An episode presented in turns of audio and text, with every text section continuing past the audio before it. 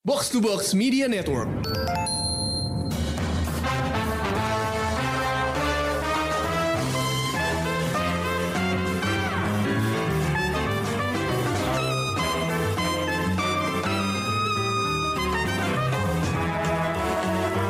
Halo pendengar Showbox, udah nonton belum nih film animasi terbaru dari Toei Animation, The First Slam Dunk? Yes, ini adaptasi manga populer yang dicintai banyak orang, yaitu Slam Dunk. Sejujurnya, gue nggak ngikutin Slam Dunk, tapi berhubung dua orang co-host gue suka, jadi ya of course kita harus review. Idenya sih sebenarnya datang dari Rengga buat nge-review The First Slam Dunk ini. Tahu-tahu dia udah nonton aja dan ngajakin review. Jadi gue lempar ke Krisna, dan ternyata Krisna juga udah nonton. Berhubung dua-duanya udah nonton, langsung aja kita bahas dan dengerin review mereka. Hey guys, gimana nih? Halo. Halo, Senengkah akhirnya ada film Slam Dunk? saya Senang. sedang setelah 20 tahun. Kalian nih emang fans Slam Dunk apa gimana sih? Soalnya gue taunya lu ngefansnya cuma sama apa ya? yang kalian Hah? suka baca tuh apa? One Piece. One Piece. One Piece, iya. Gue taunya kalian cuma ngefans sama One Piece. Gue nggak tahu kalau kalian ngefans sama Slam Dunk. Ya lumayan lah gue sih Slam Dunk. Ya, maksudnya zaman dulu kan apa sebelum banyak belum banyak manga yang masuk sini kan salah satu sports yang masuk duluan kan Slam Dunk kan. Jadi ya lumayan lah. Lumayan. Hmm. Walaupun dulu gue baca komiknya lumayan sporadis sih, nggak nggak yang tiap keluar gue beli baru baca nggak dulu kayak kayak lebih banyak. Kalau ada temen gue yang udah ada gue iseng baca juga gitu. Oh, oke. Kalau Rengga fans berat kah? Saya fans beratnya Slam Dunk. Oh, Itu the best apa ya, the best sports Sports manga Iya. of all time sih. oh, oke. Of all time nih. Dan dan Iya. First Slam Dunk itu kalau First Slam Dunk buat gue bukan cuman eh, the best anime sports tapi sports movie. Oh ya, Iya. film ini, film yang Iya. kita bakal bahas malam ini. Ya, jadi ha- Itu bukan hanya di ranah sports movie. anime atau animasi tapi juga film sport secara keseluruhan buat gue sih. Ini Oh. salah satu yang terbaik. Oh oke oke. Nah ini gue sekarang pengen gue pengen ngomongin dulu judulnya ya. Eh setahu gue Slam Dunk tuh udah ada film sebelumnya. Eh filmnya kalau nggak salah nggak keluar di bioskop deh, tapi keluarnya di TV kalau nggak salah. Kalau nggak salah ya. Iya. Tapi yang ini judulnya The First Slam Dunk. Kenapa The First? Ah, itu artinya apa? Apakah ini maksudnya film bioskop pertama atau ada arti lain nggak sih?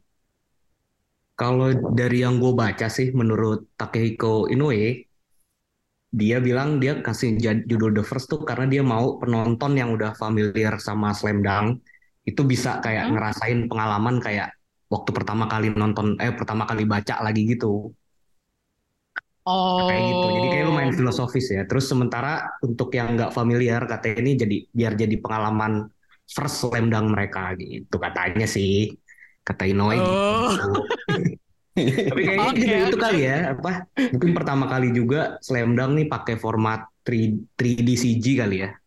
Maksudnya kombinasi antara 2D dan 3D CG gitu. Kan sebelumnya kalau animenya kan full 2D aja gitu kan. Mm-mm. Betul gak? Rek? Betul.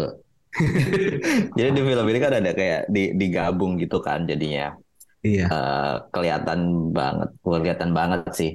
Justru ini smooth banget peralihan antara antara gaya 2D ke animasi CG 3D-nya kan. Mm-mm. Jadi Oh. Eh, kal- jadi pas kalau ada human interaction atau cerita biasa itu pakai hand drawn 2D gitu. Tapi begitu masuk ke pertandingan itu jadi full CG.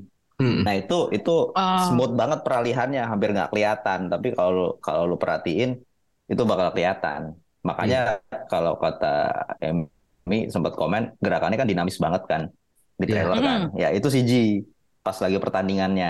Makanya smooth banget Hmm. gerakan pas mereka lagi lagi dribble, lagi shooting kayak gitunya tuh bagus banget. Itu menurut gua ini poin plus banget sih film ini. Situ. Iya, ini ini sesuatu yang gue perhatiin pada saat gue nonton trailernya, meskipun pendek banget trailernya, hanya satu menit panjangnya. Itu nggak menceritakan apa-apa ya Iya. tentang filmnya buat gue. Tapi Betul. dari situ udah kelihatan, bahkan yang lo bilang tadi, adegan pertandingan itu, eh, itu ten- memang terlihat dinamis. Tapi bahkan pada saat bukan pertandingan aja, kayak gambar apa ya, animasi perempuan duduk di pantai gitu. Itu buat gue gambarnya kayak hidup banget gitu. Makanya gue penasaran ini sebenarnya teknik apa yang dipakai sama si Takehiko Inoue gitu. Karena setahu gue film ini pengembangannya kan panjang banget ya. Kayak berapa puluh tahun gitu. Kayak be- apa lebih dari 10 tahun gitu. Makanya gue jadi penasaran ini sebenarnya teknik apa yang dipakai gitu. Inoue kalau kerja lama. Emang lama. Vagabond udah hiatus berapa lama tuh? Iya, tapi kalau kalau si anime Slam Dunk ini sebenarnya apa ada permasalahan juga. Bukan permasalahan sih. Jadi kalau jam Tarik yang ulur lah. yang zaman dulu itu kan yang animenya itu kan tahun 93 ya setahu gue ya. Eh, Hmm. Terus itu selesai nggak sampai nggak sampai kelar nih. Kayak klimaks mangganya justru. Nggak sampai klimaks justru klimaksnya tuh nggak diceritain. Mm-mm. Nah, itu Hmm. jadi pertanyaan banyak orang, tapi tidak tidak banyak yang nggak tahu juga ternyata dari studio animenya itu pengen mengubah ceritanya. Nah, soal Oh. soalnya di di end, justru ending Slam Dunk itu kan si Sohoku tidak tidak nggak menang nggak menang National Cup kan. Hmm. Spoiler dong ini. Enggak, itu di, di manga kan, di manga. Itu di manga. Nah, di anime itu mau diubah sama studio animenya.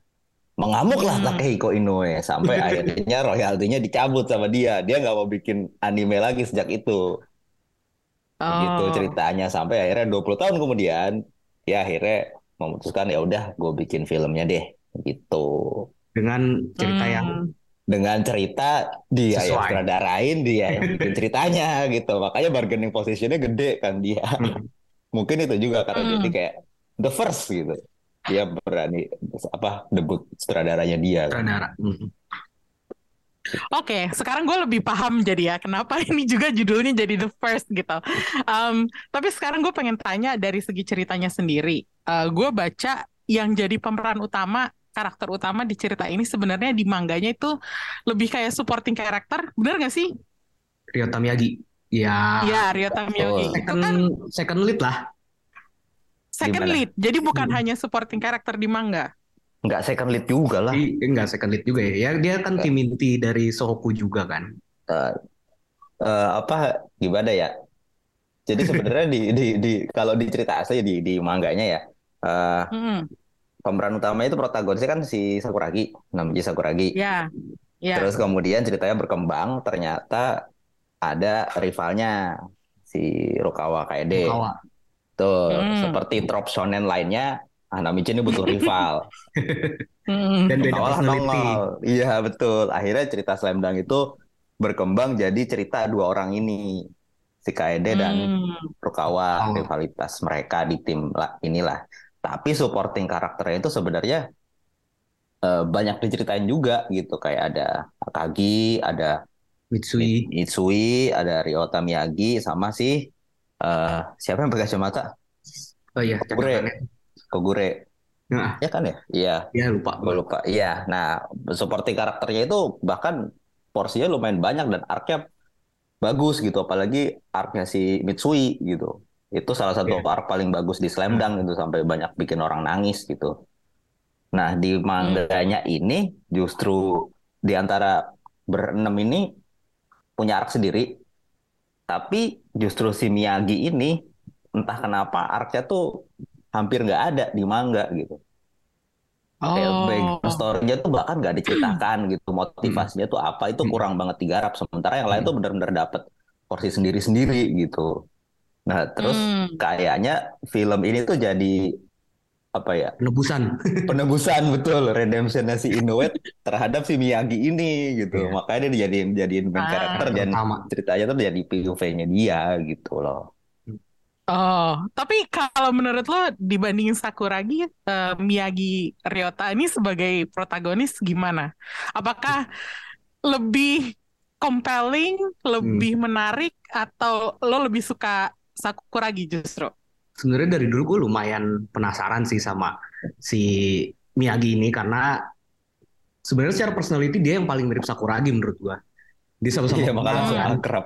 sama-sama bengal terus sebenarnya yang paling friendly duluan di Soku kan si Miyagi kan sama Sakuragi kan dulu Hmm. ceritanya.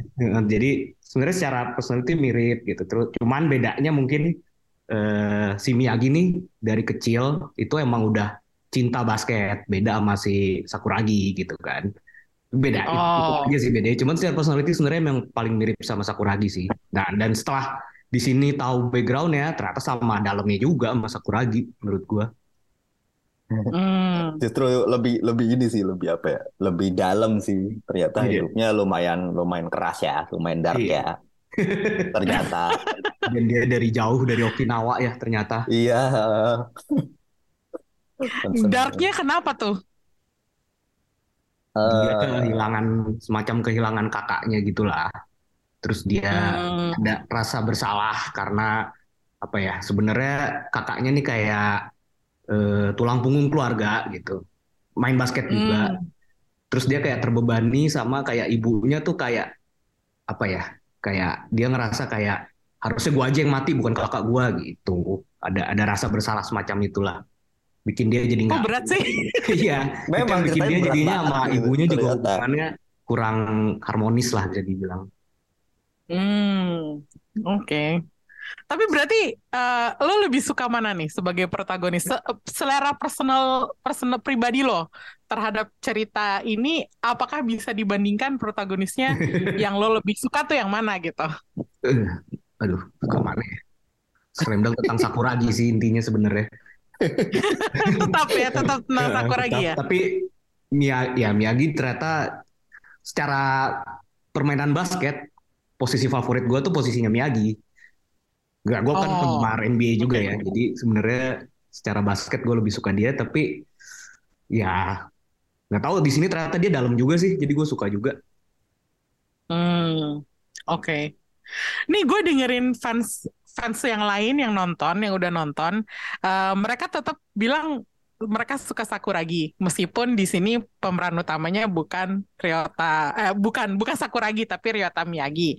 Nah, yang gue denger juga dari mereka adalah ada yang bilang s- film Slam Dunk ini mirip sama mangganya, tapi ada juga yang bilang bahwa banyak adegan yang nggak ada di mangganya. Nah, Hmm. menurut lo tuh yang bener yang mana? Apakah film ini mirip mangganya atau banyak adegan yang nggak ada di manga ternyata ada di sini? Gitu. Menurut menurut gue sih ya, dua-duanya nggak salah sih. Untuk pertandingannya sendiri, Sohoku Mm-mm. lawan Sanoh ini, menurut gue sih mirip ya yang di manga. Momen-momennya Mm-mm. segala macem. Cuman ya soal Miyagi itu kan memang nggak ada kan di manga, baru di sini kan diceritain soal background. Ah, jadi ngaruh banget ya POV-nya si Miyagi ini. Iya, jadi di kayak di setiap apa di setiap momen dia mau di posisi di pertandingan ini misalnya di posisi dia terdesak tuh biasanya terus ya kan standar ini kan itu lumayan pattern standar sports manga kan di tengah pertandingan terus flashback gitu kan segala macem mungkin bagian itu Hmm. ya yang yang yang emang nggak ada emang belum diceritain gitu. Hmm, oke. Kalau gue bisa bilang sebenarnya kalau di pertandingan Sanoh ya, Mm-mm. itu 100% sama kayak di manga. Mm-mm. Dan Oh cerita ya? tentang iya, iya, 100%? iya, pertandingannya ya. pertandingannya only ya, ha, Mm-mm. ketika mereka di lapangan basket ya. Hmm. Tapi cerita tentang si Miyagi ini, gue bisa bilang 100% nggak ada di manga. Baru. Baru Oh, banget ceritanya. ha, ha. Ya, Kalaupun ada yang nyerempet-nyerempet, jadi kayak ada kalau di manga tuh ada ada ada apa ya? eh, ada bagian ketika si Miyagi itu digebukin sama Mitsui dan gengnya. Itu ada di manga. Tapi kita nggak pernah lihat detailnya. Kenapa mereka Hmm. berantem, kejadiannya kenapa gitu. Terus ternyata di manga gue juga nggak diceritain bahwa ternyata si Miyagi dan si Mitsui itu udah pernah bertemu ketika mereka keti- SMP. Si pas Miyagi Hmm. baru pindah ke Nah, pas ke Kanagawa mereka ternyata Kanagawa. pernah ketemu. satu komplek mereka- apartemen ya ternyata kayak nggak salah. Kayaknya iya. Satu Soalnya di komplek lapangan apartemen. basket apartemen gitu kan. Iya, heeh. itu jadi kayak sebenarnya sempat ada apa ya? kejadian-kejadian yang yang bersinggungan lah di manga sama di di mana di filmnya Hmm. ini tapi kita nggak pernah lihat dari POV-nya si Miyagi. Miyagi dan itu kayak ya ya nggak bisa dibilang apa ya bener atau nggak salah sih sebenarnya kan jadi Mm-mm. kayak apa ya melengkapi satu sama lain aja gitu Menambah Hmm. ini sih, menambah kedalaman setiap karakter aja sih menurut. Heeh. Karena di sini juga yang lain nggak dilupain juga. Sakuragi tetap mainin peran penting juga di sini. Hmm. Apa di bagian pertandingan ya jelas ya. Hmm. Tapi kalau di kehidupan si Miyagi tuh kayak bener-bener ya udah nih Miyagi kehidupannya dia gitu loh. Hmm. Di luar lapangan Hmm. basket tuh kita melihat si sosok Miyagi ini gitu. Tapi begitu masuk ke lapangan basket ya udah ini cerita tentang Sohoku, Hmm, tentang timnya secara tentang keseluruhan timnya ya. secara keseluruhan. Jadi bag- gimana gimana si Miyagi ini terbentuk apa ya karakternya di dalam dan di luar lapangan gitu. Bahkan kalau yang di pertandingan eh, apa ya si karakter-karakter dari tim Sanohnya juga dapat porsi loh. Maksudnya Iya bener, ya kan nggak dilupain juga gitu. betul. Tiap-tiap karakter dapat porsinya masing-masing gitu. Hmm, Ada oke. momennya lah. Nah, ini gue balik lagi ke pendapat Krisna yang di awal tadi ya. Mm-mm. Eh, ini kenapa lo bilang ini sports movie terbaik yang pernah lo tonton, Chris? eh animasi jadi animasinya nih menurut gue sih berhasil bikin film ini tuh punya apa ya adegan olahraga paling realistis ya yang pernah gue lihat gitu bahkan film live action pun nggak bisa serealistis serealistis ini menurut gue gitu. Masa sih? iya serius. Maksudnya gue dari sudut pandang penggemar NBA gitu ya. Gue tahu bagaimana pertandingan itu sesungguhnya di dijalankan gitu. Secara taktik Hmm. secara permainan apa segala macam. Slam dunk ini kan memang sports manga yang realistis ya. Dia nggak punya special move untuk tembakan special move untuk blok. Itu kan nggak ada kan? Nah Hmm. itu di sini tuh dan teamwork banget gitu. Itu eksekusinya realistis banget sih itu sih menurut gua kelebihannya. Bener-bener kayak nonton Oh. pertandingan basket beneran bahkan detail kayak apa ya ketika bolanya misalnya nge-shoot terus nggak masuk mantul di di ring gitu. Itu bunyi dan gerakan bola itu realistis banget. Bunyi Hmm. bola ketika di dribble ke kena ke lantai lapangan itu semuanya realistis banget suaranya bahkan sampai suaranya gitu Oh, di sisi itu di sisi sama ini intensitasnya juga oh, gue oke. rasa lebih kayak ini sih. Jadi kan kalau basket itu kan eh, ya seperti kata saya bilang tadi intensitas dan pace-nya kan cepet banget ya kalau main basket Mm-mm. tuh ya. Mm-mm. Kalau di di film live action itu mungkin nangkep momen itu tuh rada kewalahan gitu. susah Sementara kalau Oh. susah iya, soalnya harus Ya. cepet kan, tetap tetap tetap. Sementara kalau di anime lu kan bisa membuat itu gitu banget itu di live action Heeh, bisa dibuat gitu loh. Jadi kayak gue mau begini begini begini tiga ya digambar gitu. makanya Apa, gampang kan tinggal sih digambar gitu 3D loh. CG Iya, heeh, tinggal dibuat gitu loh. Nggak nggak nggak directnya kasarnya directnya bukan direct orang yang ribet lah gini kalau harus Mm-mm. begini shotnya dari sini gitu kan kayak ya udah kita gambar aja gitu. Dan itu bisa di di di di, di film ini tuh di, berhasil banget nangkep nangkep momen-momen kayak gitunya. Eh, dan dan ini kan di Hmm. pertandingan basket tuh kan ini ya secara taktik tuh banyak banget adjustment gitu kan di tengah pertandingan banyak misalnya ada satu taktik nggak berjalan mereka time out bikin taktik baru apa segala macam nah itu tuh di sini bisa kelihatan dengan realistis gitu perubahan-perubahan Hmm. taktiknya gitu Gitu. Soko time out nggak berapa lama tiba-tiba Sano time out kayak gitu. Iya. gitu. kayak Itu sempat ada momen si Miyagi di trap terus gitu dia nggak bisa keluar dari zonanya nggak bisa ngoper akhirnya time out nyari strategi baru ketemu taktik baru tapi terus di counter lagi sama Sano nggak bisa berjalan lagi harus adjustment lagi nah bagian bagi detail bagian itunya sih ya in a way emang penggemar berat basket juga kan jadi dia tahu banget apa yang dia bikin sih Hmm, oke. Tapi kalau Rengga setuju nggak eh, bahwa ini adalah film olahraga terbaik dari animasi maupun live action? Gue nggak bisa bilang Apa kalau sepen- ya gue juga nggak ter- salah satu lah salah satu Salah satu one off lah, one of the One off. one of sports movie lah. Hmm. Tanpa mempedulikan animasi atau live action ya? Iya, ha, bisa bilang seperti itu.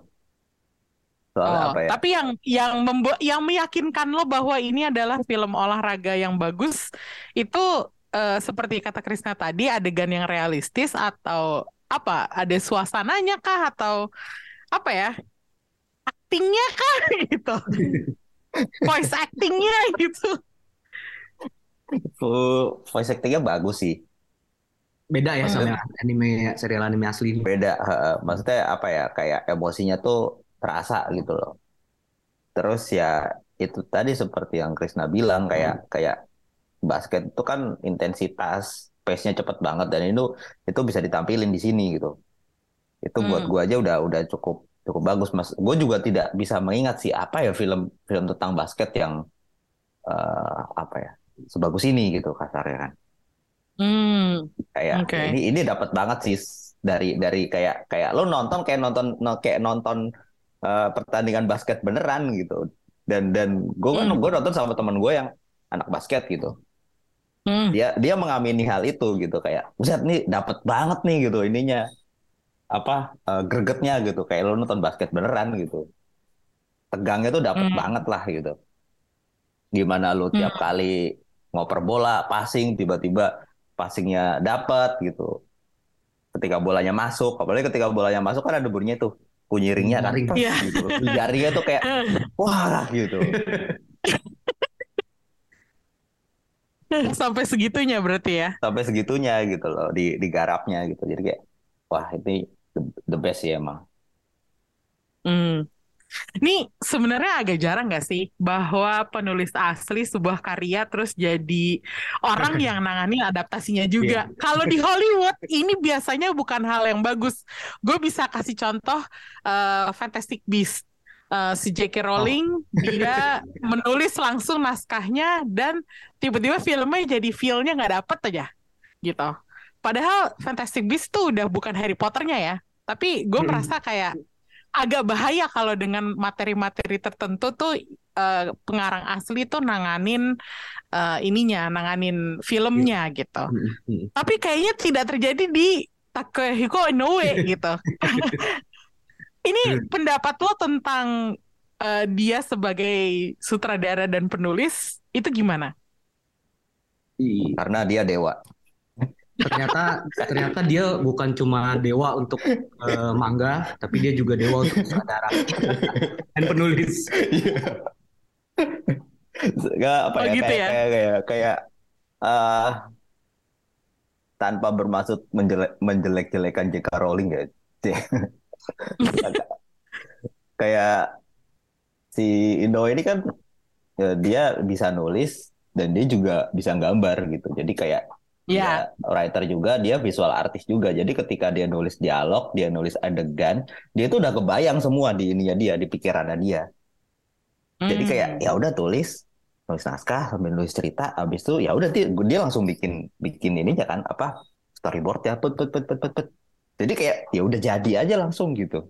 Tinggal dieksekusi Hmm. aja buat Hmm. dijadiin film gitu. Menurut gua kelebihannya dia salah satunya itu ya selain karena dia dewa gitu. Ya udah.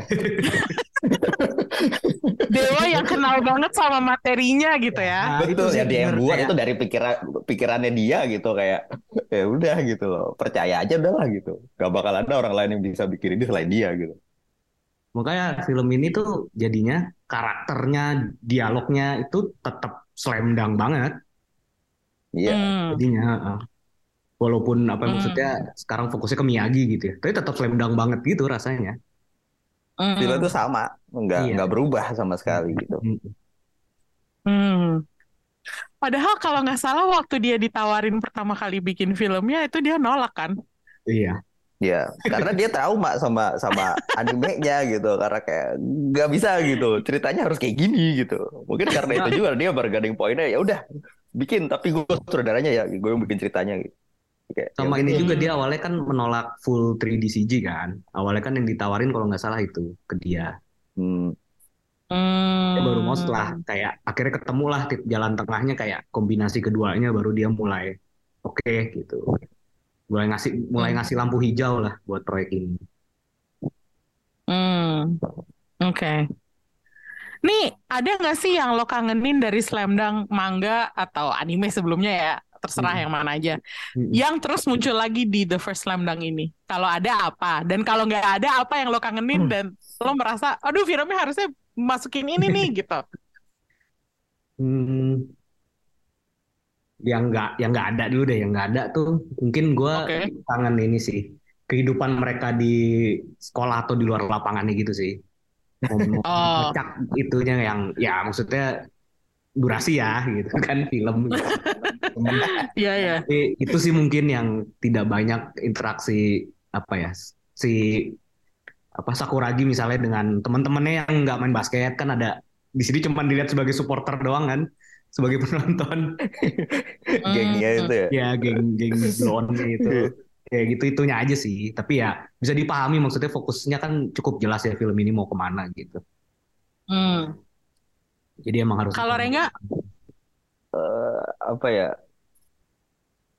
momen paling gue tunggu di film ini eh di manga sebenarnya gue suka banget dan di film ini ada dan itu kayak tersampaikan dengan bagus sekali itu ketika detik-detik pertandingan akhir lawan Sano. Hmm. Jadi kalau di manga itu eh, mereka di pertandingan itu kayak di di akhir-akhir pertandingan itu kan mereka sempat ketinggalan ya.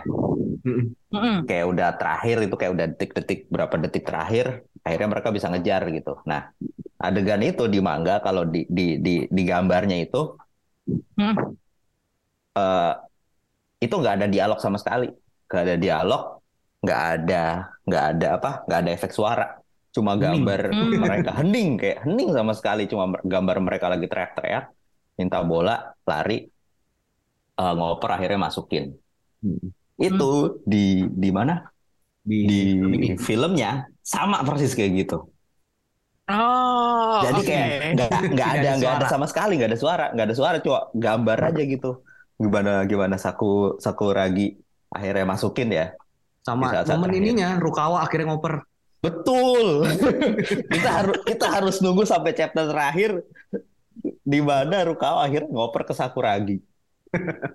itu Hmm. momen momen momen wah banget itu kayak momen wah teriak sampai akhirnya abis itu mereka tos-tosan gitu kayak wah gila gitu puncak itu kulminasi dari penungguan Pertandingan selama ini gitu epic Pertandingan. iya.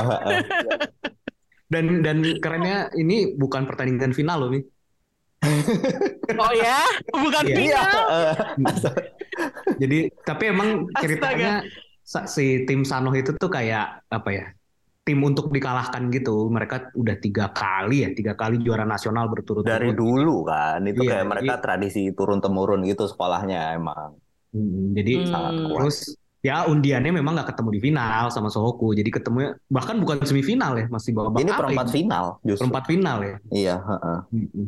dan spoiler Hmm. aja nih di pertandingan selanjutnya Sohoku kalah karena tenaga mereka udah habis di pertandingan ini Kayak ya Sakuragi kan ceritanya cedera di pertandingan Cedera, ini. ya, Sakuragi cedera. Terus uh, tim yang apa anggota tim yang lain juga udah kecapean gitu. Hmm. Maka di pertandingan berikutnya itu yang main cadangan semua, yang mana cadangannya cadangan Hmm. mati gitu kasarnya.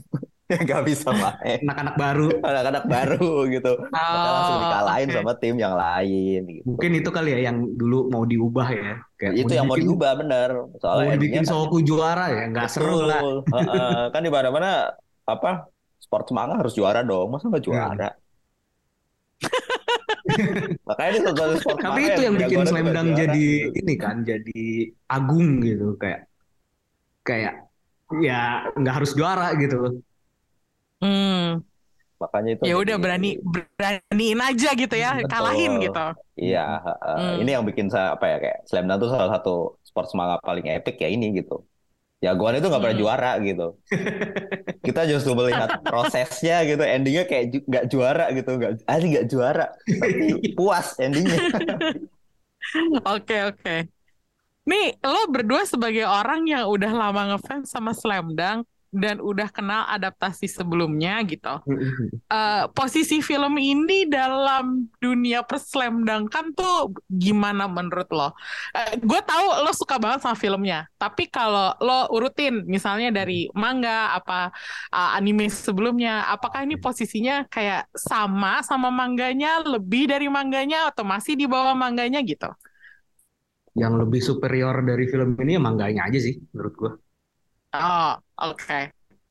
Karena kalau apalagi kalau film, film yang lain kan filler ya Hmm, ya ya. dari cerita asli, jadi ya jauh lah. Sementara kalau ya ya mangganya lah yang lebih superior sih tetap kalau buat gue. Oh, oke. Nggak Tahu sih Rengga Ya, gua setuju sih. Tapi ini tuh kayak apa ya? Kayak seperti saya juga bilang tadi kayak kebanyakan kalau movie dari manga atau anime biasanya filler kan, atau Hmm. kalau enggak tidak mempengaruhi cerita utama gitu. Tapi Hmm. film ini justru kayak melengkapi cerita Iya. utama. Iya, itu dia. Hmm. Jadi kayak ya jadinya eh ini ini nambahin cerita yang di manga loh gitu. Jadinya kayak cerita yang di manga justru lebih kuat dengan adanya film ini gitu.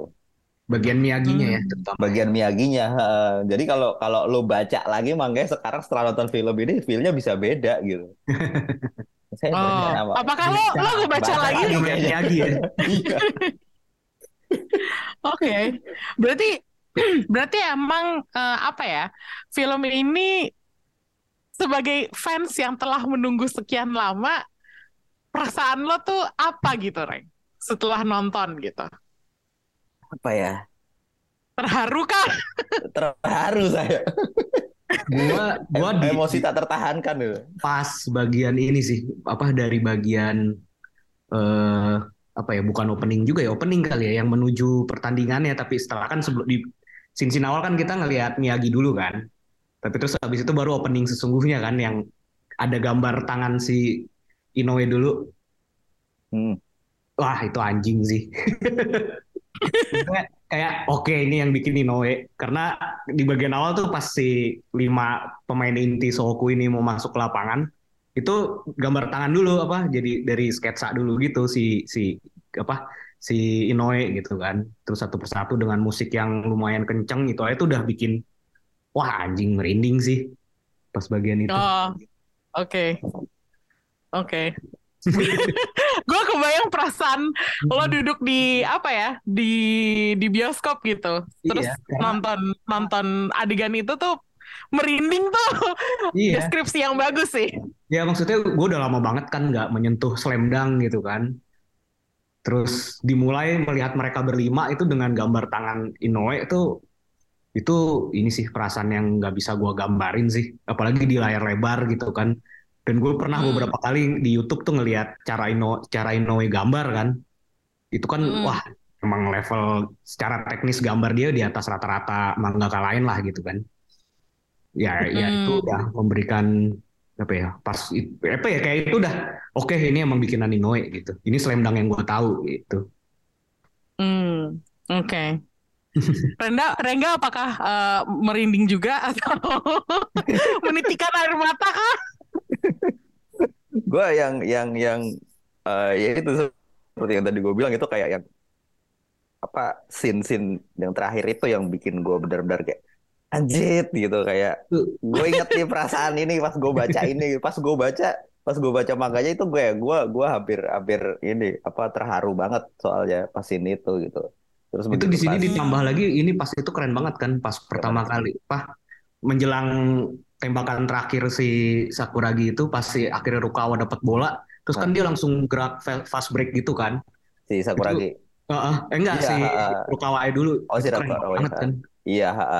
dan dan itu banget. suaranya terus tiba-tiba menghilang iya terus menggilanya itu benar-benar kayak kayak fade out itu kan tiba-tiba kayak suaranya Mm-mm. hilang terus kayak benar-benar hening coba kayak ngeliatin mereka teriak-teriak gitu doang terus tahu bolanya udah di shoot sama Sakuragi iya Padahal Sakuragi shootnya jelek banget kan.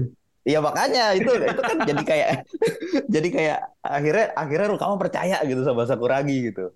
Soalnya dia sendirian kan Sakuragi benar-benar coba kayak Iya karena timnya nggak nggak akan apa ya realis masuk akal kan basket kan gitu kan emang mending fokus double team yang jelas-jelas syutingnya bagus daripada ini kan. iya. Dennis Rodman sering didiemin sendiri gitu kan yang jadi referensinya ini banget kan Iya, Sakuragi banget. karena kan. syutingnya juga jelek gitu. Ya, eh. Dan dari, dan dari situ kan Rukawa juga di double team kan soalnya kan. Iya makanya. Kayak langsung dioper ke Sakuragi. Dan itu kayak itu momen kayak ah gitu kayak wow. Gue lagi berusaha di bioskop. Gue lagi berusaha membayangkan film apa yang bisa bikin gue merasa kayak gitu dan gue gue nggak nemuin sih.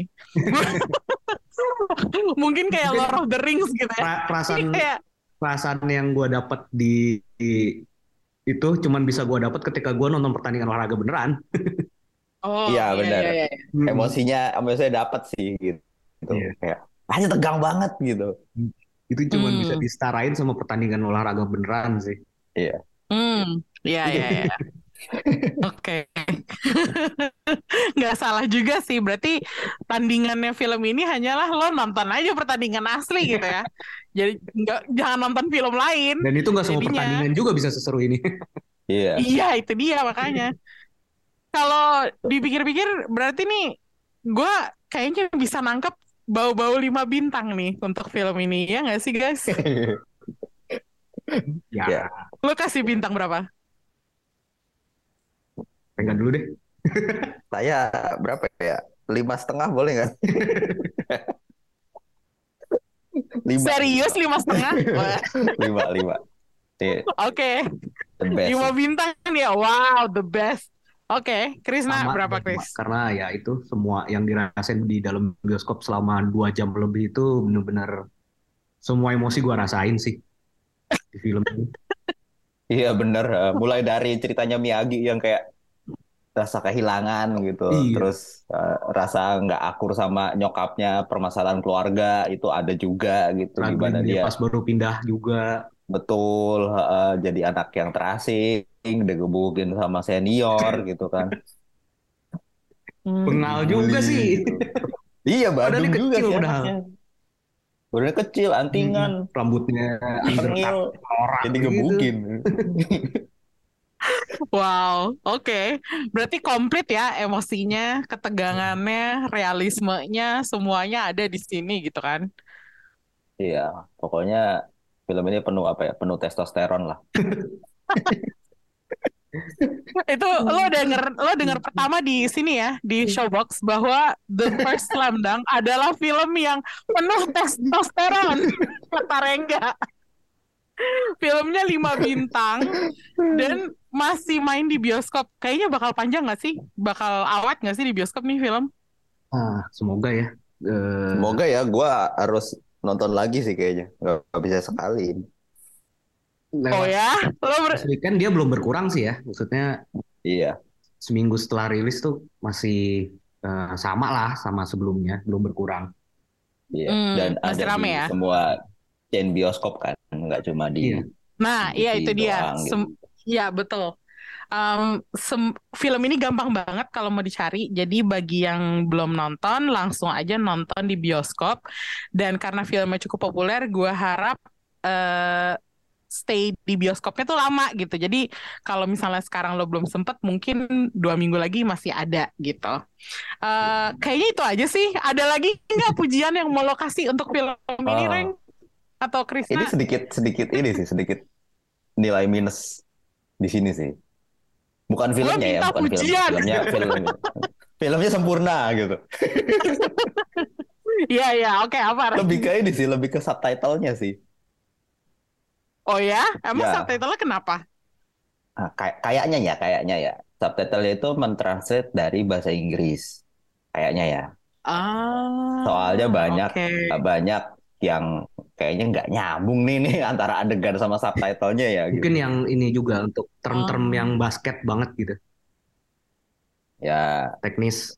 terus eh, terus yang sedikit ganggu juga eh, ketika memanggil di Jepang kan kalau manggil manggil temen wal- da- temen gitu biasanya pakai nama belakang ya. Kecuali Hmm. udah Ya, banget betul. gitu kan. Nah, Misalkan si Hanamichi Sakuragi gitu manggilnya kan Sakuragi bukan Hanamichi gitu. Mm, Yang manggil Hanamichi itu cuma cuma teman gengnya doang gitu kan. mm. Sementara kalau di teman-teman basketnya manggilnya tetap Sakuragi. Nah itu di subtitlenya nulisnya Hanamichi. Oh, Sakuragi. ya itu agak awkward sih. Gue gue paham sih Semuanya- kalau ini semuanya menjadi makanya. Gue jadi Sakuragi kayak doang. Gitu kayak Bukan Sakuragi doang, Apa? semuanya bahkan. semuanya iya maksud gue semuanya itu kan tadi tadi contoh doang Ah. gitu. Semuanya dipanggil gitu. Akagi dipanggilnya Takenori gitu kan. Mitsui dipanggilnya Hisashi gitu kayak otak gue jadi kayak nggak sinkron gitu antara baca subtitle sama dengerinnya kayak "Hah? Hah? gimana gitu. Gue Itu kira gue yang takutnya salah denger kalau- gitu kan ternyata. Kalau buat Emang. penonton yang belum familiar sama karakter ya, jadi bingung. Ini namanya Betul. siapa dia Hmm. gitu. Kayak Ya, kok dipanggilnya ya, Sakuragi di tulisannya Hanamichi gitu kan. Jadi nama dia sebenarnya siapa gitu. Takutnya bikin bingung yang belum familiar juga sih. Komplainan yang valid menurut gue dan patut jadi sih. catatan kalau misalnya mau nonton film ini harus paling enggak lo harus kenal dulu deh bahwa Hanamichi itu maksudnya Sakuragi gitu loh. Jadi jangan pikir Tahu nama lengkapnya. "Ah, si- siapa Hanamichi gitu ya. Kayak aneh banget gitu. Tapi thank you banget buat catatannya di belakang ini dari Rengga. Eh, thank you juga Krisna udah nge-review bareng-bareng Ya, satu Rengga untuk Oke, boleh. Masih punya waktu kita. Eh, nggak ada hubungannya sama Slam Dunk sih, cuman apakah eh, Takeuchi Inoue tidak berpikir untuk menyelesaikan Vagabond dengan cara yang sama dengan Slam Dunk? Ini masalahnya lain lagi kayaknya, Chris. Iya, maksudnya kalau dia udah males gambar mangganya, ya udah bikin film ini aja kayak gini gitu, tapi konklusinya gitu. Jangan harus menggantung. lo harus nunggu lo harus nunggu 20 tahun lagi, Chris, untuk Ya dia apa-apa bisa lah menyelesaikan. daripada hiatusnya nggak jelas. Astaga. Bener juga sih ya. Itu juga catatan yang menarik dari Krisna bagi uh, Takehiko Inoue Sensei kalau misalnya dia tiba-tiba dengerin gitu somewhat terus tiba-tiba dapat ide buat ngelanjutin itu adalah karena permintaan Krisna. Oke, thank you banget udah dengerin review Chow Japan kali ini dan kita ketemu lagi di episode berikutnya. Bye bye.